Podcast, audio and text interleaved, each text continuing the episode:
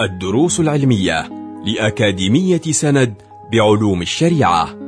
المرحلة الأولى شرح ميسر لمجموعة من المتون المختصرة تفيد المتلقي في دنياه وآخرته. مقرر الإيمان والاعتقاد شرح منظومة عقيدة العوام مع الشيخ عبد الله باخريصة. بسم الله الرحمن الرحيم. الحمد لله رب العالمين وبه نستعين على أمور الدنيا والدين والصلاة والسلام على أشرف الأنبياء وإمام المرسلين سيدنا محمد وعلى آله وصحبه أجمعين. سبحانك لا علم لنا إلا ما علمتنا إنك أنت العليم الحكيم. يا فتاح يا عليم يا فتاح يا عليم يا فتاح يا عليم افتح علينا فتحا قريبا برحمتك يا أرحم الراحمين. نواصل معكم شرح منظومة عقيدة العوام للإمام السيد أحمد المرزوقي عليه رحمة الله تعالى. حيث وصلنا إلى قول الناظم عليه رحمة الله أبوه عبد الله عبد المطلب وهاشم عبد مناف ينتسب وأمه آمنة الزهرية أرضعه حليمة السعدية. في هذين البيتين يتحدث المؤلف عليه رحمة الله عن بعض ما يجب أن يعرفه المكلف تجاه النبي صلى الله عليه وعلى آله وصحبه وسلم حيث يذكر نسبه الشريف من جهة أبيه ونسبه الشريف من جهة أمه ثم يذكر بعد ذلك مرضعته حليمة السعدية. قال الناظم أبوه عبد الله عبد المطلب وهاشم عبد مناف ينتسب. أي أن نسبه صلى الله عليه وسلم من جهة أبيه حيث أنه سيدنا محمد صلى الله عليه وسلم ابن عبد الله ابن عبد المطلب ابن هاشم ابن عبد مناف ابن قصي ابن كلاب ابن مرة بن كعب بن لؤي ابن غالب بن فهر ابن مالك ابن النضر ابن كنانة ابن خزيمة ابن مدركة ابن الياس ابن مضر ابن نزار ابن معد ابن عدنان. إلى هنا ينتهي نسب النبي صلى الله عليه وسلم من جهة أبيه. فينبغي علينا أن نتعلم هذا النسب وأن نعلمه أولادنا وبناتنا حتى يحفظوه فهو أعظم نسب لأنه لأعظم إنسان وأكرم مخلوق صلى الله عليه وعلى آله وصحبه وسلم. وأما نسبه صلى الله عليه وسلم من جهة أمه فهو سيدنا محمد ابن آمنة الزهرية بنت وهب بنت عبد ابن عبد مناف ابن زهرة ابن كلاب. فيجتمع نسبها مع نسبه صلى الله عليه وسلم من جهة أبيه في جده كلاب إلى آخر نسبه الشريف. وأما مرضعته صلى الله عليه وسلم فهي حليمة ابنة أبي ذؤيب وهو عبد الله ابن الحارث من بني سعد. لذا كانت تلقب حليمة بالسعدية. وأما اسم زوجها فهو الحارث ابن عبد العزة ويكنى بأبي كبشة. باسم بنت له كانت تدعى كبشة. أرضعه حليمة السعدية. ثم يقول الناظم عليه رحمة الله مولده بمكة الأمينة وفاته بطيبة المدينة. أي أنه صلى الله عليه وسلم مما يجب أن نعلمه عنه من المعلومات أنه ولد عليه الصلاة والسلام في مكة المكرمة التي قد أمنها الله سبحانه وتعالى. يقول الله سبحانه وتعالى في ذلك ومن دخله كان آمنا ويقول الله عز وجل أولم يروا أنا جعلنا حرما آمنا ويتخطف الناس من حولهم. وإنما حصل الأمن لمكة المكرمة بسبب دعاء سيدنا إبراهيم عليه السلام حيث يقول الله سبحانه وتعالى ناقلا دعاه وإذ قال إبراهيم ربي اجعل هذا بلدا آمنا وارزق أهله من الثمرات من آمن منهم بالله واليوم الآخر. فمكة المكرمة أمنها الله سبحانه وتعالى حيث أن الرجل كان في الجاهلية يجد قاتل أبيه في وسط الحرم فلا يمسه بسوء ولا يغتاله ولا يقتله. بل توسع ذلك الأمن حتى وصل إلى الحيوانات المفترسة كما ذكر بعض أهل السير أن الحيوانات المفترسة إذا كانت تطارد فريستها ثم دخل ذلك الصيد إلى الحرم فإن ذلك الحيوان المفترس يمتنع ولا يهجم ولا يصيد تلك الفريسة وما ذلك إلا للأمان الذي وضعه الله سبحانه وتعالى في هذه البلدة المباركة.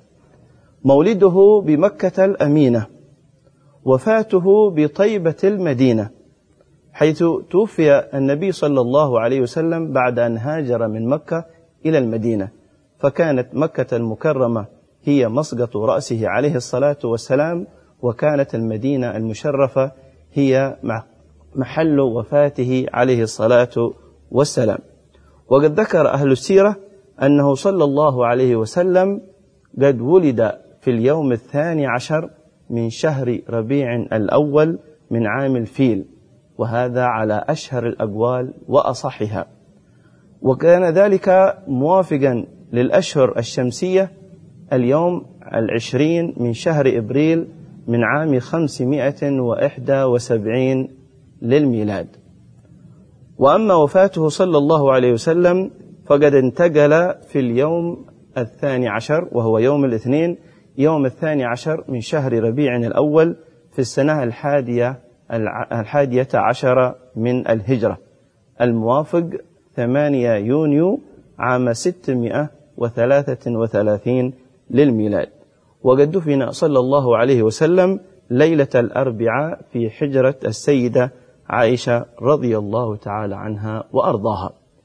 ثم يقول الناظم بعد ذلك أتم قبل الوحي أربعين وعمره قد جاوز الستين أي أنه صلى الله عليه وسلم حينما نزل عليه الوحي نزل بعد تمام الأربعين وكمالها وهو سن الرشد. سن الأربعين. بعد أن أكمل النبي صلى الله عليه وسلم سن الأربعين نزل عليه الوحي من السماء فصار بعد ذلك نبيا يوحى. ثم مكث عليه الصلاة والسلام بعد هذا السن ثلاثة عشر سنة في مكة المكرمة. يدعو الناس إلى الإسلام ويسعدهم ويرشدهم عليه الصلاة والسلام. ثم هاجر بعد ذلك إلى المدينة المنورة ومكث فيها عشر سنوات. وبعدها انتقل إلى الرفيق الأعلى بعد أن أكمل من العمر ثلاثة وستين سنة قمرية حيث قال الناظم أتم قبل الوحي أربعين وعمره قد جاوز الستين. ثم يقول الناظم عليه رحمة الله وسبعة أولاده فمنهم ثلاثة من الذكور تفهم. قاسم وعبد الله وهو الطيب وطاهر بذين ذا يلقب. أتاه إبراهيم من سرية فأمه مارية القبطية. يشرح المؤلف في هذه الأبيات المباركة أولاد النبي صلى الله عليه وسلم حيث ذكر أهل السيرة أن أولاده صلى الله عليه وسلم سبعة ثلاثة من الذكور وأربع من الإناث. فأما الذكور فهم القاسم وهو أول أولاده عليه الصلاة والسلام على الأصح وكان به يكنى فكان يقال له أبا القاسم. وقد ولد القاسم قبل النبوة وعاش لمدة سنتين ثم توفي قبل النبوة أيضا. ثم يأتي بعد القاسم عبد الله وقاسم قاسم وعبد الله كما قال الناظم وهو الطيب وطاهر بذين ذا يلقب. عبد الله وقد ولد عبد الله بعد النبوة ولهذا كان يقال له الطيب والطاهر لأنه قد ولد بعد النبوة فكان يلقب بهذين اللقبين كما قال الناظم وعبد الله وهو الطيب وطاهر. أي أن الطيب والطاهر هما لقبان لعبد الله. بذين ذا يلقب أي بهذين الوصفين كان هذا عبد الله يلقب. وإنما لقب بهذين الوصفين كما ذكر أهل السيرة لأنه ولد بعد النبوة. قاسم عبد الله وهو الطيب وطاهر بذين ذا يلقب. أتاه إبراهيم من سرية. وثالث أولاد النبي صلى الله عليه وسلم كما ذكر الناظم في هذا البيت إبراهيم وهو من أولاد النبي عليه الصلاة والسلام. وقد ولد إبراهيم في شهر ذي الحجة في السنة الثامنة من الهجرة. ولما ولد إبراهيم قال أنس رضي الله عنه خرج علينا النبي صلى الله عليه وسلم حين أصبح فقال صلى الله عليه وسلم إنه ولد لي الليلة ولد وإني سميته باسم أبي إبراهيم. فكان النبي صلى الله عليه وسلم قد سماه إبراهيم تيمنا وتبركا باسم جده إبراهيم عليه الصلاة والسلام. وقد عاش إبراهيم ابن النبي صلى الله عليه وسلم ستة عشر شهرا وقيل ثمانية عشر شهرا. ثم توفي بعد ذلك. وهذين القولين قد ذكرهما الحافظ ابن حجر. وقد جاء هذين القولين في سنن المعروفة. فقد جاء في مسند الإمام أحمد يقول النبي صلى الله عليه وسلم مات إبراهيم ابن رسول الله صلى الله عليه وسلم وهو ابن ستة عشر شهرا.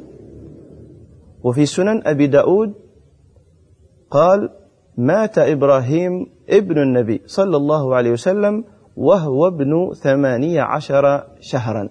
فهذين القولين كما قلنا قد ذكرت في كتب السنة. أتاه إبراهيم من سرية أي أن سيدنا إبراهيم قد جاءه من امرأة سرية ومعنى سرية أي جارية وقد أهداها له المقوقس حاكم مصر. واسمها مارية بنت شمعون القبطية أي من أقباط مصر وهم نصارى مصر. وهذا معنى قول الناظم أتاه إبراهيم من سرية فأمه مارية القبطية.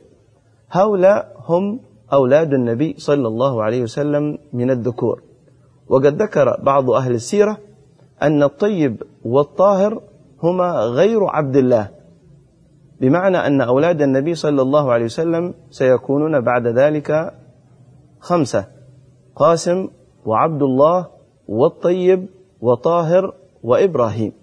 على هذا القول ولكن أصح الأقوال أن أولاده صلى الله عليه وسلم من الذكور كانوا ثلاثة وهم المذكورين في المنظومة قاسم وعبد الله وإبراهيم. وأما الطيب والطاهر فهما لقبان لقب بهما سيدنا عبد الله ابن النبي صلى الله عليه وعلى آله وصحبه وسلم.